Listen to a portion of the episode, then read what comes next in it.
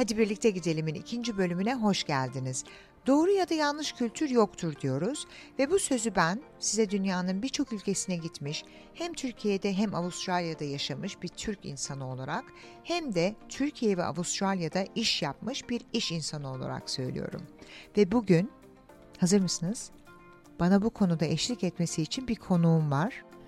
Konuğum Türkiye dahil olmak üzere farklı ülkelerde üst düzey yönetici olarak görev almış bir iş insanı. Ayrıca dünyada gitmediği ülke yok sanırım. Abartmıyorum gerçekten. Bir söz vardır ya çok okuyan mı bilir, çok gezen mi diye. Konuğuma bakarsak bu soruyu hem okuyan hem de çok gezen olarak cevaplayabilirim. Güzel ve eğlenceli bir sohbet olacağından eminim.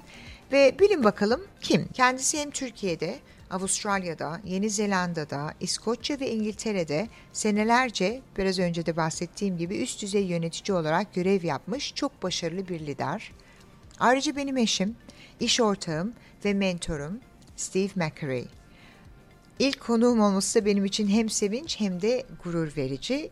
Steve İskoçyalı, dinleyicilerimin arasında bilmeyenler vardır muhakkak. Lahmacunu bu kadar çok seven bir İskoç olamaz bence. Bunun da çok eğlenceli ayrı bir hikayesi var, bazılarınız bilir. Kendisi birazdan bizimle olacak. Türk kültüründen, Türk iş kültürü de dahil olmak üzere bahsediyor olacağız. Çoğu bilgiyi kitaplardan, internetten elde edebiliriz aslında. Diyelim Avustralya'nın kültürü hakkında bilgi almak istiyoruz. Bana mesela çok mesaj geliyor Avustralya hakkında özellikle burada iş yapmak konusu üzerine. Bu bilgiyi kitaplardan, internetten gayet kolayca bulabiliriz. Ama benden dinlerseniz burada büyümüş, okumuş, iş yapmış biri olarak bir tık daha etkili olacağına, daha gerçek olacağına inanıyorum. Çok sevdiğim bir film var, Notting Hill. Julia Roberts ve Hugh Grant'ın başrollerini oynadığı film. Julia Roberts Hugh Grant'ın kitapçı dükkanına geliyor ve Türkiye hakkında bir kitap istiyor. Hugh Grant bir kitap tavsiye ediyor ve diyor ki I think the man who wrote it has actually been to Turkey, which helped. Sanırım bu kitabı yazan kişi yani yazar gerçekten Türkiye'ye gitmiş diyor. Yazdıklarını, anlattıklarını kendi deneyimleriyle harmanlayan kişilerin söyledikleri her zaman daha çok ilgimi çekmiştir ve umarım bugün siz de anlatacaklarımız hakkında böyle düşünürsünüz. Bu sohbet belki bir nevi rehber de olabilir. Türkiye'den farklı bir ülkeye gitmek isteyen ve orada çalışmak, iş yapmak isteyen kişiler için. Tam tersi Türkiye'ye yerleşmek ve orada çalışmak ya da iş kurmak isteyen kişiler de vardır belki. Steve bize katılana kadar bir hikaye anlatmak istiyorum. Peki orada nasıl? sorusuyla başlamıştık iş yemeği sohbetimize. Şu an Sydney, Avustralya'dayız ama bundan 5-6 sene önce Türkiye'de otomotiv satış sonrası hizmetleri sektöründeydik ve potansiyel müşterilerimizle bir toplantı yapıyorduk. Orada nasıl olduğu Türklerin en çok merak ettiği şeylerden biridir. Biz Türkler meraklıyızdır. Biz başkalarının hayatlarına da çok meraklıyızdır. Orada Türkiye olmayan her ülke için geçerlidir. Nasıl sorusu da o anki konuya göre cevaplanır. O anki konumuz yurt dışında iş yapmakla Türkiye'de iş yapmanın arasındaki farklardı. Biz de Steve ve ben otomotiv sektöründe burada Avustralya'da edindiğimiz deneyimlerimize dayanarak anlatmıştık. Orada yani yurt dışında nasıl olduğuna başlamadan önce Steve bir İskoç iş insanının gözünden Türkiye'de nasıl olduğunu anlatarak başlamıştı söze. Genel olarak Türkiye'de iş insanları yeni fikirleri açıklar. Yabancı konuklara, yatırımcılara, iş insanlarına daima saygılı ve çok misafirperver davranıyorlar. Hayatımda hiçbir toplantıda bu kadar yemek yediğimi hatırlamıyorum ama şikayetçi de değilim. Hele bir de çay varsa demişti, gülmüştük. Gülmek iki kişi arasındaki en kısa mesafedir diye bir söz vardır. Bir bardak çay kadar önemli olmasa da çay demişken her ülkenin kendine has bir iş kültürü vardır ve bu ülkelerde yetişen insanlara göre bu kültür doğrudur. En önemlisi doğru ya da yanlış kültür yoktur. Kültür, öğrenilmiş insan davranış modellerinin tümü, yani bir toplumun hayat biçimidir.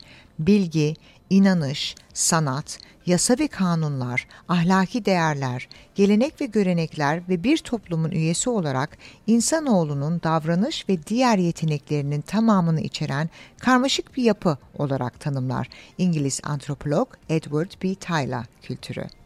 Yabancı bir ülkede iş yapabilmenin en başta gelen ve bir o kadar da güç tarafı kültürel algılama, değerlerdeki ve toplumsal farklılıkları kavrama zorluğudur.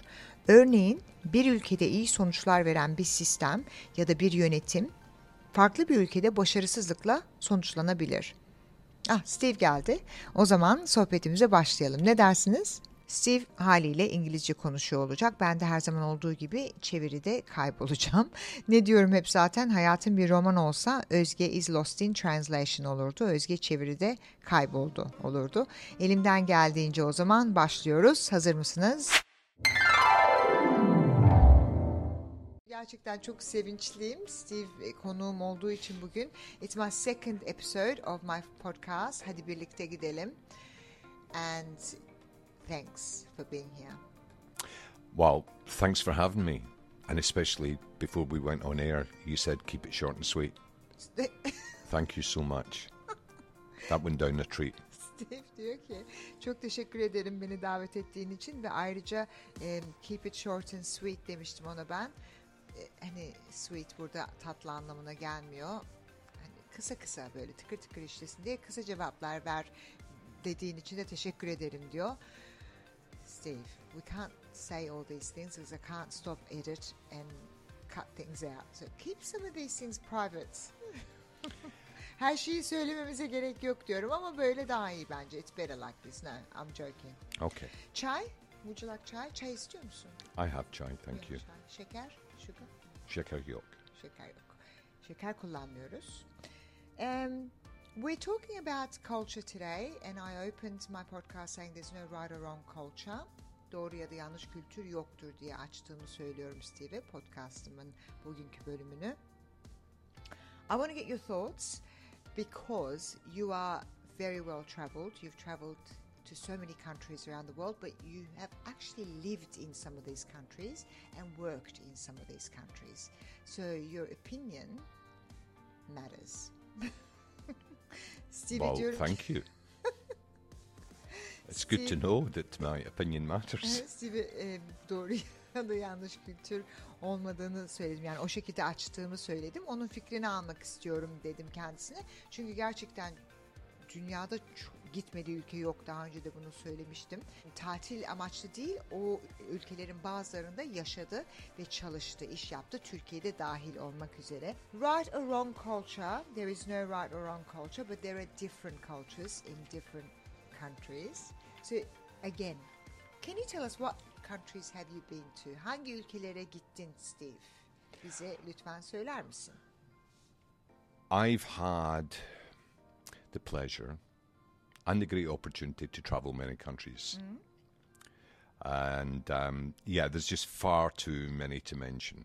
Um, you know, Tell us, please. I, I mean, to, to, to mention a couple the US, uh, Australia, where I currently live, um, yeah, uh, Tur- uh, Turkey, where uh, I also had uh, the pleasure of living there, um, the UK. Yeah, there's just been so many countries, so too many to mention. okay. Um, Twen- 27 in total. you were To be to exact.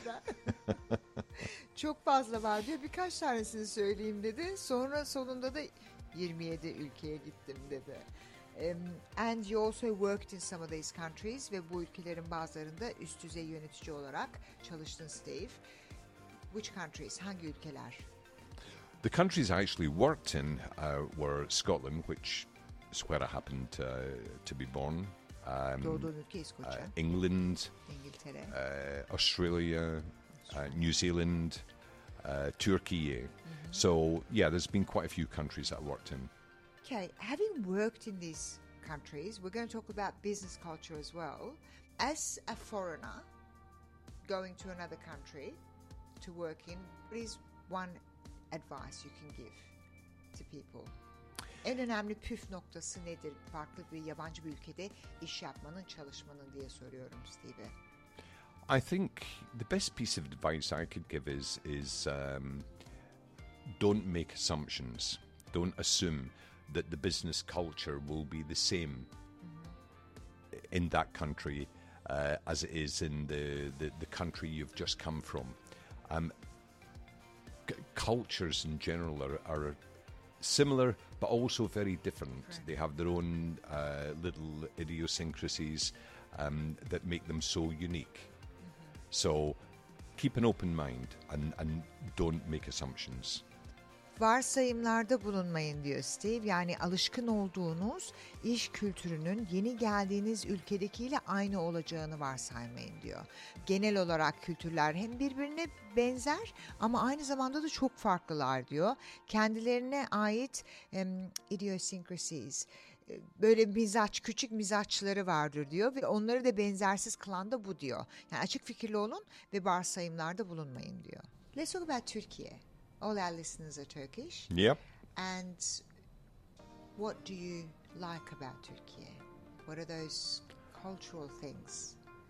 I love most things about Turkey. Hakkında Um, çoğu şeyi çok seviyorum diyor. I love the, the people. I, I love the food. I love their passion for uh, football, which I'm very passionate about. Yeah, there's just so many things to love about Turkey. Türkiye hakkında en çok se- çok şey seviyorum diyor.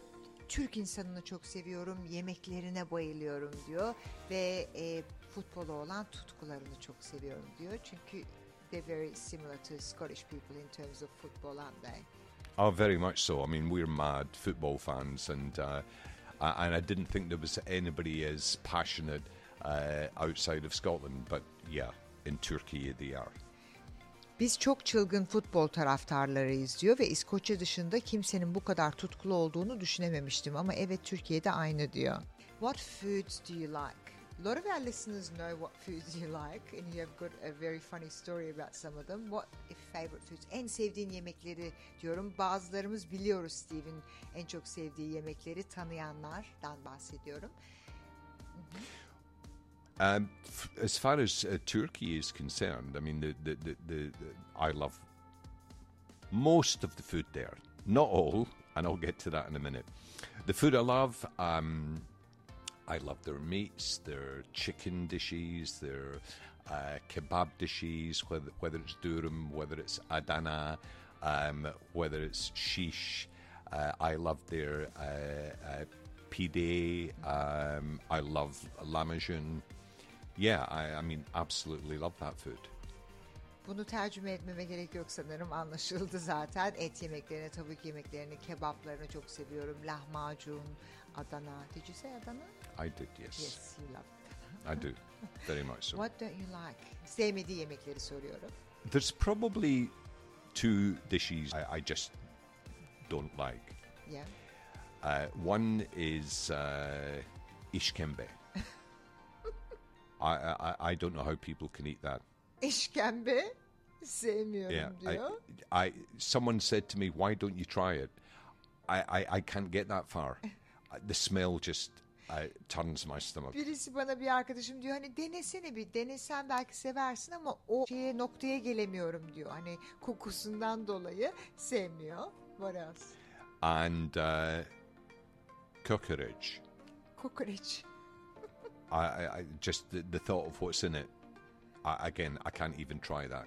So, So I'm very sorry to to everybody from Turkey, but uh, those are two dishes Çok that I just don't like. Türk Türk arkadaşlarıma Türkiye'de şu anda beni dinleyenlere diyor ama bu iki yemeği yiyemiyorum, sevmiyorum diyor. So, I'm it- sure there's a lot of Turkish people who don't like işkembe and kokoreç. Me, for example, I don't like well, I'm sure they are, but most people that go out there at the the end of their night out, whether it be two or three in the morning, they go somewhere to to have ishkembe. It seems to be a bit of a tradition.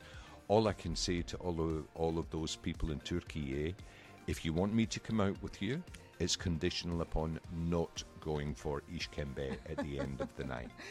Şöyle diyorum diyor eğer sizinle bir yerlere gitmemi istiyorsanız akşamın gecenin sonunda lütfen beni işkembeciye götürmeyin diyorum diyor. Biraz şakalaştık şakacı Steve. No you're not joking are you? No, no no kidding. Any funny moments? In Any words? You used to get maşallah and inshallah confused remember? Steve bir ara maşallah ve inşallahı karıştırarak söylüyordu. You used to say maşallah when you're supposed to say inşallah. and vice versa.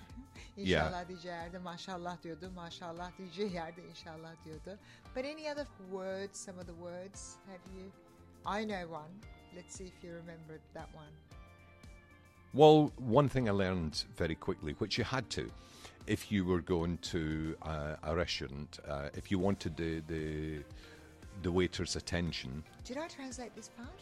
Komik anların var mıydı? Bir, birdenbire dedim acaba bunu şey tercümesini yaptım. Steve'den komik anlarından bahsetmesini istedim. Ee, var mıydı dedim. Çünkü çok var ben biliyorum. Acaba aynısını hatırlayacak mı? Şimdi restoran dedi. what I learned was to say uh, bakar mısınız? To call the waiter, yeah. To call Garson waiter. arkadaşı çağırmak için bakar mısınız kelimesini öğrenmiştim dedi.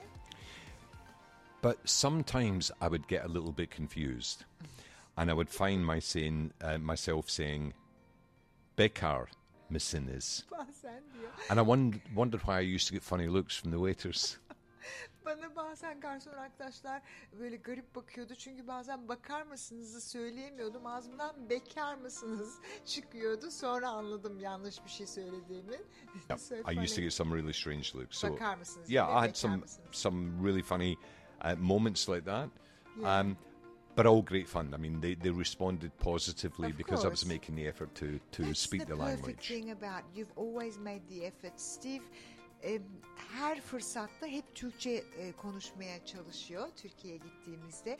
E, hem seviyor hem öğrenmeyi hem de saygıdan. It's a respect thing for you as well. You always like to, you know, you feel I'm in Turkey, this is your country and I want to be able to try and speak your language. Uh, well, look, absolutely. And the great thing about uh, the the Turks is they always They make like the it. effort Yeah. to, to try and speak English. Yes. That's it's a two-way street. It is very much so. So yeah, no, I enjoyed that. ülkeye olan saygımdan da dolayı insanların hani ben Türkiye'deyim, herkes Türkçe konuşuyor, çaba göstermem lazım o dili konuşmam için ve deniyordum hani ama Türkler de bana çok güzel bir şekilde karşılık veriyordu ve İngilizce konuşuyorlardı benimle her zaman. Bilmeseler bile hep deniyorlardı diyor. That was a long translation. Uh, uh, uh, uh, totally true. It just See, didn't never end. this is the thing that oldu. Bazen çok uzuyor. this is the thing that amazes me because the difference I learned between the Turkish language and the English language is that the Turkish language is a combination. It's an agglutination of words. And the idea there is in Yeah. English, if we said something and it took 20 words, in Turkish, because of the agglutination, it would take five words. So, my question is when I say five words, when you're translating, why is it taking you 50 words? Steve diyor ki Türkçe ile İngilizce arasındaki en büyük fark Türkçenin bir kombinasyon e, dili yani aglutinasyon eklemeli bir dil olması diyor. Yani bu demek ki bana göre diyor 20 kelimelik bir şey söylediğinde bir insanın Türkçe'de bu 5 kelimeyle anlatılabilir yani tercüme edilebilir diyor. Beni hayrete düşüren şey de şu diyor ve sana sorum şu diyor sen çeviri yaparken ben 5 kelime söylediğimde neden 50 kelimelik bir, kelimelik bir tercümeymiş gibi geliyor diyor. Ee, thanks Steve. Çünkü tercümede kayboluyorum. I get lost in translation. Özge is always lost in translation. Şakacı Steve. Let me take you back to football. Have you been to any matches in Turkey? Yeah, I did go to some matches. Um, Futbola geri dönüyoruz. Türkiye'de futbol maçına gittin mi hiç diyorum. Yeah, I did go to uh, some matches there. Um, the first match I went to was a Fenerbahce match, and uh, that was interesting. That day they were playing uh, Antalya Sport, Okay. and um, uh, our, our lawyer uh, decided she would take us to her first uh, uh, Turkish football match, should I say. So, yeah, that, that was fantastic. And then after that, um, I went to see uh, Besiktas. Um, the game wasn't memorable, but uh, what was memorable was it was about minus 12 degrees and it was absolutely freezing. But uh, I still enjoyed myself. Very entertained by watching the fans. Gittim diyor orada bazı maçlara gittim. İlk gittiğim maç avukatımızın götürdüğü Fenerbahçe Antalya Spor maçıydı. Ee, harikaydı diyor. Sonra Beşiktaş maçına gittim dedi. Maç o kadar fazla unutulmaz değildi ama unutulmaz olan şey eksi 12 derece olmasıydı ve kesinlikle son derece soğuk olmasıydı diyor. Ama yine de çok eğlendim dedi. Hayranları izlemek bambaşka bir deneyimdi benim için dedi. And then, um, probably one of the mo- most memorable matches I went to, um, which was incredible, um, Champions League, which is the biggest uh, uh, competition for European teams. Galatasaray were playing uh, Chelsea. So the match was starting at uh, uh, 9:45 p.m. and my friend called me and he said, "Let's meet at 4 p.m." Now, in my culture, when we were going to a football match, if it started at uh, 9:45 p.m., we would leave straight from home probably about uh, uh, 9 p.m. and get there just in time for the match to start. So I couldn't quite understand why were we meeting up at 4 p.m. This is nearly six hours before the match starts. Ve muhtemelen e, gittiğim en unutulmaz maçlardan biri Şampiyonlar Ligi'nde Galatasaray Chelsea maçıydı diyor Steve. İnanılmazdı diyor. E, maç 9.45'te başlıyordu akşam ve arkadaşım beni aradı diyor ve 4'te buluşalım demişti bana diyor. Öğlen 4. Benim kültürümde bir futbol maçına gittiğimizde eğer maç 9.45'te başlıyorsa evden muhtemelen 9 civarında çıkar ve maçın başlaması için tam zamanında oraya giderdik diyor. Bu yüzden diyor bir türlü anlayamamıştım neden saat 4'te buluşuyoruz? Yani maçın başlamasına daha 6 saat varken buluşuyorduk diyor. So my friend gave me the name of a, a restaurant, and he said we're going to meet there at four o'clock. Arkadaşım bir restoran ismi verdi bana diyor ve saat 4'te orada buluşacağız dedi diyor. So as I was pulling up at the restaurant, all I could hear was this noise. There was singing. Restorana yaklaşırken diyor bir yüksek bir ses geliyordu. Şarkı söylüyorlardı diyor. When I went in the restaurant, it was uh, I don't know there there was three or four hundred uh, Galatasaray fans there with their their scarves and their hats on. They were singing, they Amazing were atmosphere. drinking, they were dancing, uh, they were eating. They were having a ball. Ve bir girdim restorana diyor Steve. Yaklaşık 300-400 tane Galatasaray taraftarı vardı diyor. Em, boyunlarında atkıları, şapkaları, şarkı söylüyorlardı, yiyip içip o kadar eğleniyorlardı ki dans ediyorlardı diyor. Harika bir atmosferdi. Hiç böyle bir şey görmemiştim. You've never seen anything like this before. No, I thought this was paradise. there was singing, there was dancing, there was food, there was racket. It was amazing. So, so we we had uh, food and uh, we had drinks and we danced and we sang and we talked and we laughed. Celebration Yeah, before the match. and then I remember about seven p.m. You called me and asked me, "Are you having a good time?" That's right. Saat 7'de sen beni aradın e, diyor. Ben yani aramıştım Steve'i. E, Eğleniyor musun dedim. And I remember saying to you, "I don't know if I'm going to make this match." Maça gidebilecek miyim bilmiyorum demiştim diyor. Then we headed off to the stadium and we had a great night. We had a fantastic night. Çok great güzeldi. game. Harika bir e, hatıra benim için o maç dedi Steve. Were you supporting Chelsea? Chelsea? Are you? Chelsea? Absolutely not. I was supporting Jim Bomb. Chelsea'yi mi tutuyordun dedim. Kesinlikle hayır. Tabii ki Cimbom'u tutuyordum diyor. İş kültüründen bahsedelim. Let's talk about the Turkish business culture now, shall we? Using examples from the company we set up in the automotive aftermarket industry. Şimdi İstanbul'da kurduğumuz otomotiv satış sonrası sektöründe hizmet veren şirketimizden örneklerle Türk iş kültüründen bahsedeceğiz. Well, the great thing about having our own business there was that um, what it allowed uh, you to do is you, when you go on holiday, and we'd gone for so many years on a holiday to Turkey, How eh, many years? 12 years, Yeah. something along that sort of line. And you were going as a tourist. So you experienced part of the culture. But when you actually uh, live there, and as we did, start a business, Yeah. then you see more of the culture, particularly um, the business culture. It's And incredible, isn't it? That So was different. really interesting. Really, really interesting experience. Steve şöyle anlattı. Türkiye'ye tatile gidiyorduk dedi. Senelerdir bir turist olarak oradaydık. Yani kültürün bir kısmını deneyimliyorduk dedi. Ama bir ülkede yaşadığınızda ve özellikle bir iş kurduğunuzda o zaman kültürü tam olarak görüyorsunuz dedi. Tam anlıyorsunuz çünkü iç içesiniz o kültürle.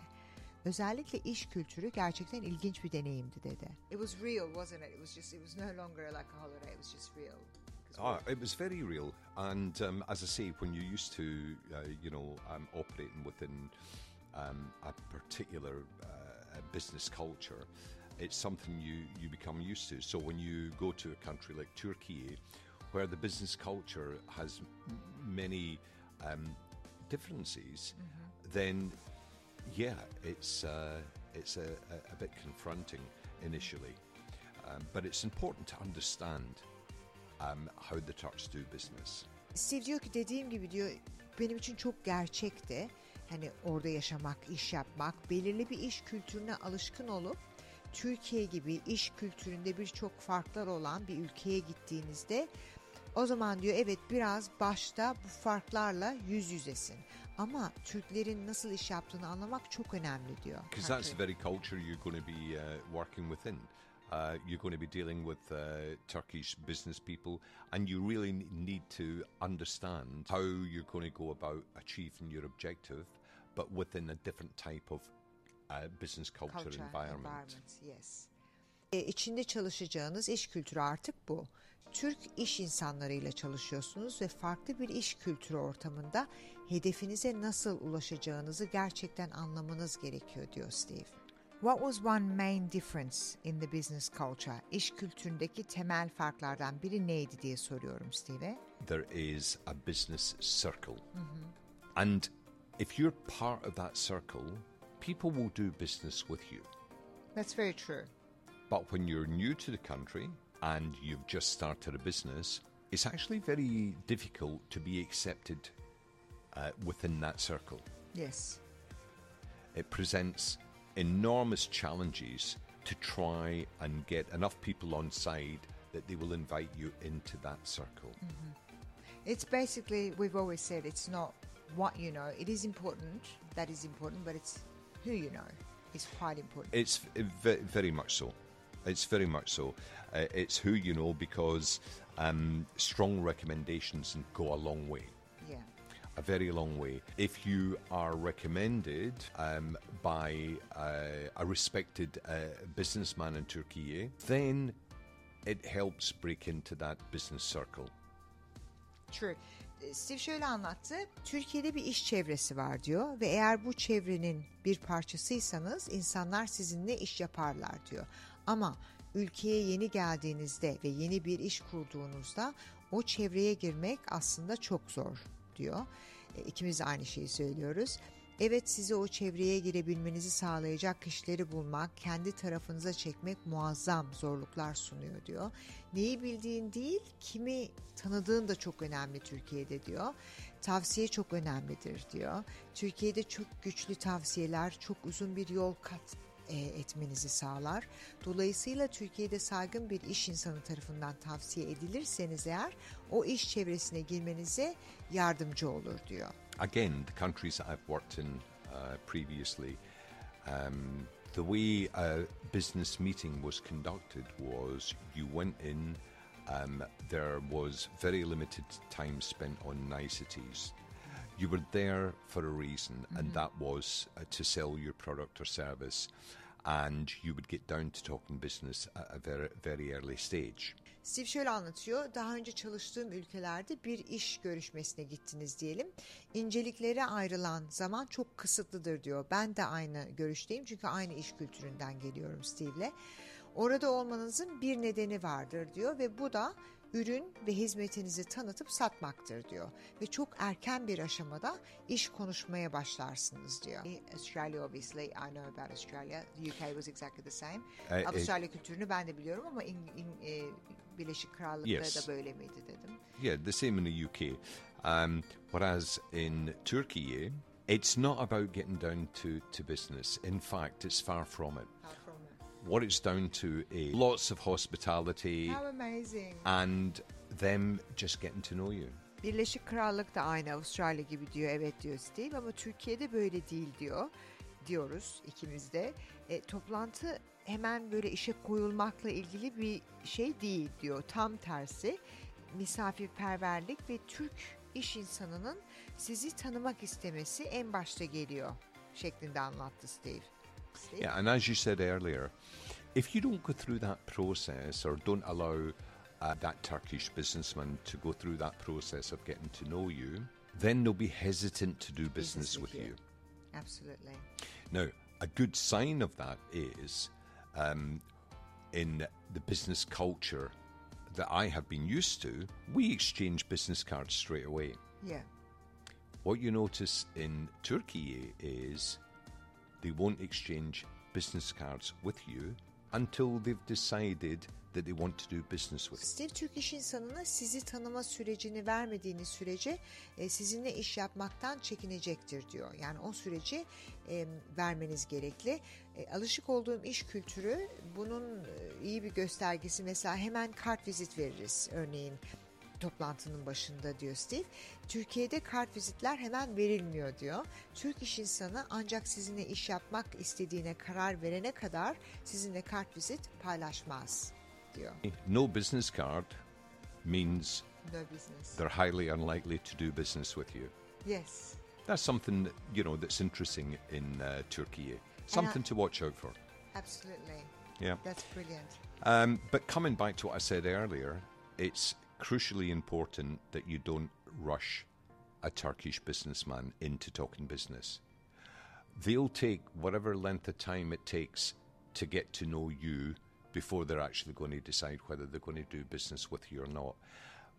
If you rush them, then you alienate them. Daha önce söylediklerime geri dönersek diyor Steve, bir Türk iş insanını iş konuşması için aceleye getirmemeniz çok önemlidir.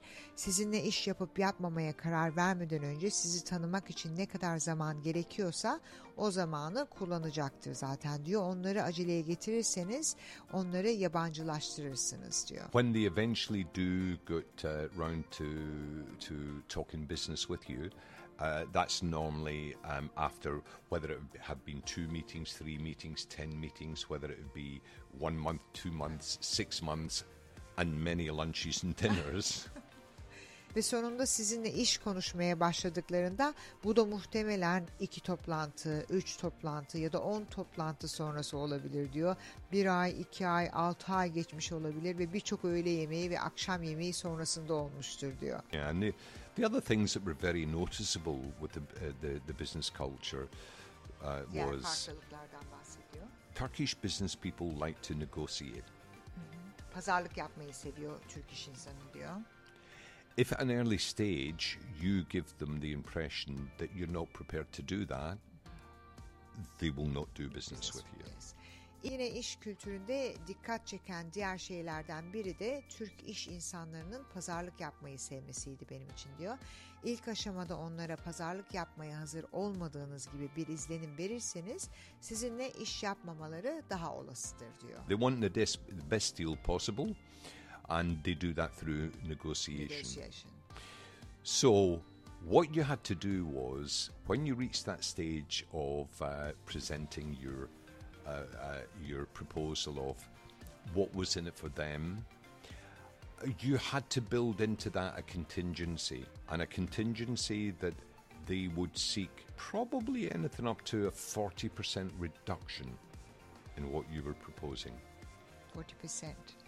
Mümkün olan en iyi anlaşmayı istiyor Türk iş insanı diyor ve bunu müzakere yoluyla yapıyorlar diyor.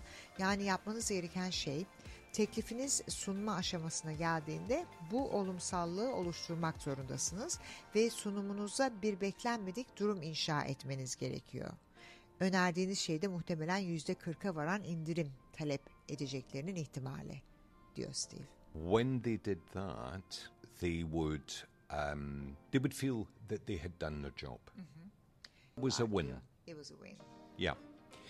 Um, and then uh, the other interesting things in the, the, the business culture, even when you had agreed on a price, and even when you then moved to the paperwork, whether that was contract or a, a written agreement, you had to be prepared for something else that would come in, which was that they were risk averse, and therefore, when you thought everything was finalised and agreed, suddenly they would come with something right at the very end.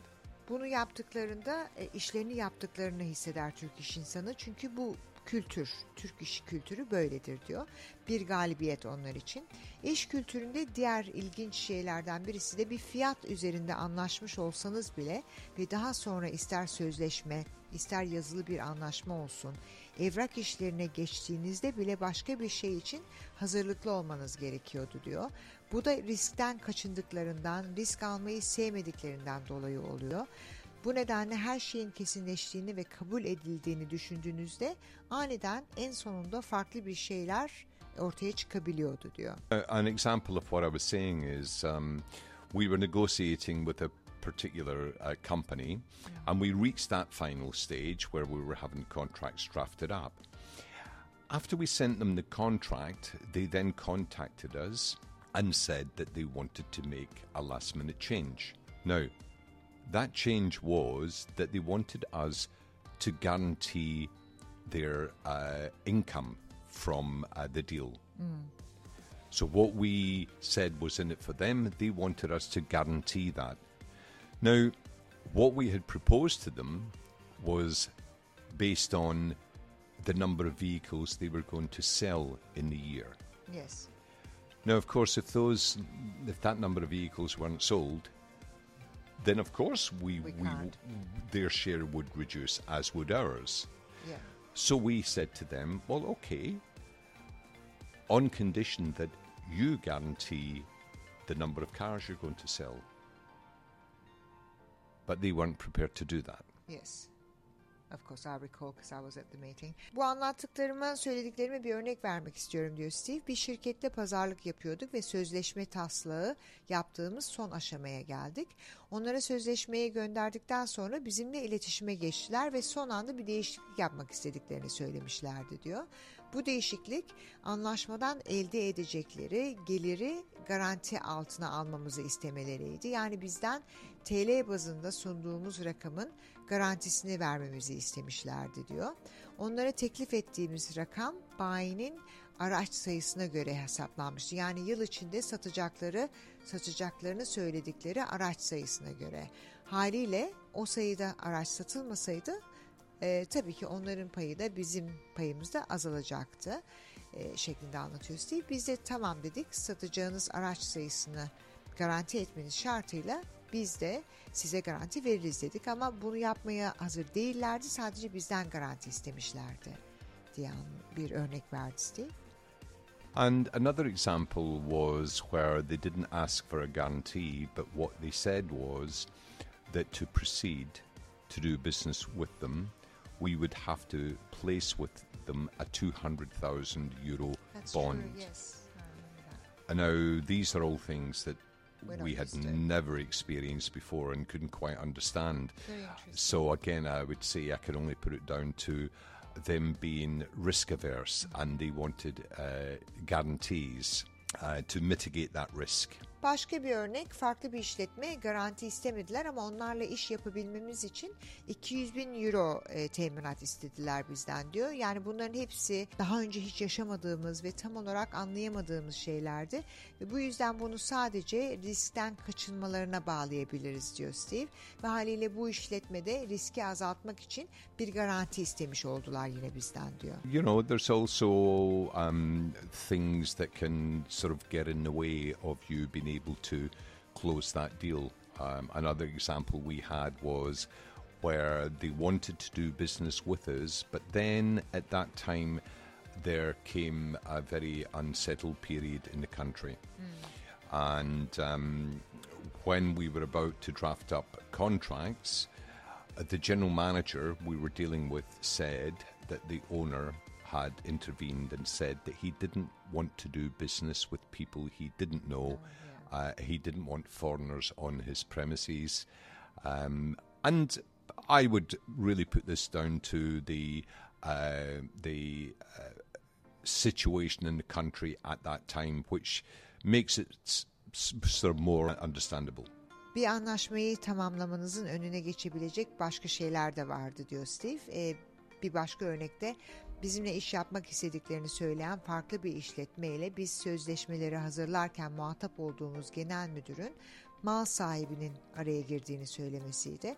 Kendisi tanımadığı insanlarla iş yapmak istemediğini ve işletmemde yabancıları istemiyorum dediğini bize söylemişti.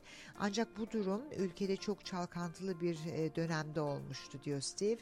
Ondan kaynaklanan bir tepki olduğunu düşünürsek bu durumu daha anlaşılır kılıyor diyor. What would you say to someone who's interested in doing business in Turkey, a foreign investor maybe? For any foreigners uh, looking at uh, going to Turkey uh, to do business there, my advice would be uh, do your research first. Um, learn as much as you can about uh, the, the business culture, about how business is conducted in Turkey. Herhangi bir yabancı için orada iş yapmak için Türkiye'ye gitmeyi düşünenlere tavsiyem şu. Önce araştırmanızı yapmanız olacaktır diyor. İş yapmanın nasıl yürütüldüğüne ilişkin iş kültürü hakkında olabildiğince çok şey öğrenin. But it's all uh, interesting, you know. Um, I, I found in, in you know my dealings, whether it be in uh, in business in Turkey or whether it uh, be just talking to uh, Turkish people in general, they're an extremely proud nation. Extremely proud. They're proud of their their country. Uh, they're proud of their history So much. and um, yeah, and yet it's interesting that they're very, very conscious about how the international community views them. That's very true. That's so important uh, to to Turks. Um, and the other thing that I, I felt that um, was strange, strange in that being a proud nation on one hand and being proud of what they produce and what they achieve, on the other hand, they always believed that anything product or service that came from overseas was superior to what they had. So inter- so interesting. So so interesting. Paradox. Very very much a, a paradox. Diyor Türkiye'de e, iş ilişkilerimde veya genel olarak sadece Türk halkıyla konuşurken şunu öğrendim diyor. Türkler son derece gururlu bir millet. Ülkesiyle son derece gurur duyan ve tarihleriyle gurur duyan bir millet diyor. İlginç olan uluslararası toplumun onları nasıl gördüğü konusu Türkler için çok önemli diyor. Ve bir diğer şey de bir yandan gururlu bir millet olup ürettikleriyle, başardıklarıyla gurur duyan bir millet olup yurt dışından gelen herhangi bir ürünün veya hizmetin her zaman daha iyi olduğunu düşünmeleri, Türkiye'de sahip olduklarından daha üstün olduğunu düşünmeleri bana değişik geldi. İlginç bir paradoks diyor Steve. in summary, I mean, that's an overview of my personal uh, experiences in Turkey. I have to say that I, I really loved living there. Um, I loved the people. Uh, they were so uh, warm, so welcoming, You have so many Um, friends there. so warm-hearted. Um, they were just just great. Uh, and yeah, and I made some very very good friends, some extremely good friends, um, and they remain friends today. So I reflect back on my time in Turkey uh, um, very fondly. Uh, I love the country, and I'm really looking forward to going back. Are you going back? Inshallah. İnşallah. Sanırım bu benim Türkiye'deki kişisel deneyimlerimin bir özeti diyor Steve. Son derece çok iyi arkadaşlar edindim. Bazıları bugün de hala arkadaşım. Bu yüzden Türkiye'de geçirdiğim zamanı çok sevgiyle yansıtıyorum diyor ve ülkeyi çok seviyorum. Gerçekten geri dönmeyi dört gözle bekliyorum diyor. And is there anything else? That's it? We can finalize episode two. I think I've done enough talking You today, have you done think? amazing, and thank you so much for being part of my podcast today. As I said, it is my second episode, and to have you as a guest to discuss this very important topic. I love talking about culture, and particularly as having lived there and lived the culture together was just so important. Yeah, um, to yeah. And uh, and and getting a, a foreigner's or a Yabanju's perspective Yeah, on the on the, the the culture. Absolutely. Thank you, Steve. Thank you so much. Thanks for having me. What is it? We're finished. I've already finished recording. But there's just one last thing, What? or probably the most important thing. Parayok. Bitti diyorum.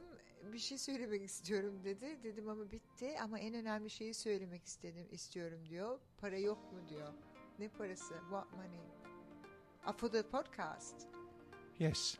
No, but you did it from the heart Steve. Bunu gönülden yaptım. Parasız dedim Steve'e. But the heart doesn't put food on the table. İnanmıyorum. Soframa yemeği koyan gönlüm değil diyor. Para diyor. No money Steve. Bye. Podcast serimin ikinci bölümünde ve bu çok önemli konuyu anlatmak üzere bana eşlik ettiği için Steve'e tekrar teşekkür ettim. Kültür çok ilgimi çekiyor ve özellikle ikimizin Türkiye'de yaşamış ve iş yapmış, kültürü birlikte deneyimlemiş olmamız anlattıklarımızı daha ilgi çekici kılar diye düşündüm. Türk kültürü üzerine Steve'in bir yabancı olarak bakış açısını aldık. Ben Türk'üm tabii ki ama Avustralya'da büyüdüm. Burada okudum, burada çalıştım, iş yaptım ve Steve ikimizin bakış açısını yansıttı dolayısıyla. Ayrıca bu anlattıklarımız bir rehber olmuştur. Belki Türkiye'den farklı bir ülkeye gitmek isteyen, orada çalışmak, orada iş yapmak isteyen kişiler için her ülkenin kültürü farklıdır, iş kültürü farklıdır. Steve'in de dediği gibi, benim de dediğim gibi hiçbir zaman varsayım yapmayın. Muhakkak o gideceğiniz ülkenin kültürü hakkında araştırmalar yapın. Ve ikinci bölümün sonuna gelmiş bulunuyoruz. Ben Steve gelmeden önce bir hikaye anlatmaya başlamıştım. İşte onun gerisini getirmek istiyorum. Hem de bir toparlamış olurum. Türkiye'de iş kültüründe iş ilişkilerinin yürütülmesi kişisel ilişkilerin kurulmasına ve geliştirilmesine bağlıdır. Önce tanışıklık ve birbirine ısınma gibi yerel değerler halen ön planda yer almaktadır. Birleşik Krallık ve Avustralya iş kültüründe ise iş yaşamı ve özel yaşam birbirinden kalın çizgilerle ayrılmış durumdadır ve iş ilişkileri genellikle karşılıklı iş çıkarlarının gözetilmesine dayanmaktadır. Bu konuda İngilizler, İskoçlar ve Avustralyalılar titiz davranmaktadır. Otomotiv sektörü ile ilgili izlediğim bir televizyon programında bir söyleşi esnasında yabancılar ülkemize know-how'lar getiriyor ve bu çok önemli denmişti. Bu ne kadar doğru olsa da Türk iş kültüründe know-who'ların da büyük önem taşıdığı bir gerçek. It's not what you know but who you know. Yani ne bildiğin değil, kimi tanıdığın, bildiğin. Türkiye bireyselliğin zayıf, biz kültürünün hakim olduğu bir ülke olduğu için Türklerin tanıdık arama hissiyatı, iş yapıp yapmama kararında bir tanıdığının referansı son derece önemlidir. Bununla birlikte karşılıklı güveni tesis etmek zaman alabilir. Ancak güven bağı kurulduğunda ise kolay sarsılmıyor. Birleşik Krallık'ta ve Avustralya'da ise insanların daha bireysel olmaları beklenir. Türkiye'de insanlar bir gruba ait olmayı sever, bağ kurmak isterler. Bu nedenle nerelisiniz, kimlerdensiniz gibi sorular önemlidir ve bunların hemen ardından gelen Türkiye'de kimlerle çalışıyorsunuz sorusunun cevabı büyük önem taşır. Her ne kadar yeni fikirlere açık olsalar bile burası Türkiye'dir ve biz hep böyle yapmışızdır. Belirsizliği, risk almayı sevmediği için girişimcilik ruhu biraz yabancı gelir Türklere. İnsan içinde yaşadığı kültürü algılaması güç olabilir, farkına varmadan benimsediği davranışları. Çok kültürlü bir dünyada yaşıyoruz. Bu dünyada artık sadece kendi kültürümüz içinde yaşamak zor. Doğru ya da yanlış kültür yoktur. Ama her ülkenin farklı dinamiklerinin olduğunu çok iyi biliyorum. Hangi işi yapıyorsak yapalım, hayatımızı farklı kültürlerden gelen, farklı değerlere sahip insanlarla paylaşıyoruz. Bize düşen bu farklılıkları anlamak ve saygılı olmaktır. Benim bildiğim ve önem verdiğim her ülkede geçerli olan bir kültürde şudur. bir işi harekete geçiren insanların refahını gözetmek, bir şirketin karlılığı için yapabileceği en akıllıca şeylerden biri olması. İnsanlar güvendikleri şirketlerle çalışır ve müşteriler de güvendikleri şirketlerle iş yapar. Güven bir duygudur. İşlerin hızla değiştiği bir ortamın içindeyiz ama baktığımızda çok sayıda kıta, binlerce ülke, milyarlarca insan aynı sonucu istiyor. Hepimiz sağlıklı, güvenli ve başarılı olmak istiyoruz. Hepimiz işimizin büyümesini ve gelişmesini istiyoruz. Sağlıklı, güvenli ve başarılı günler dileğiyle. Dinlediğiniz için çok teşekkür ederim.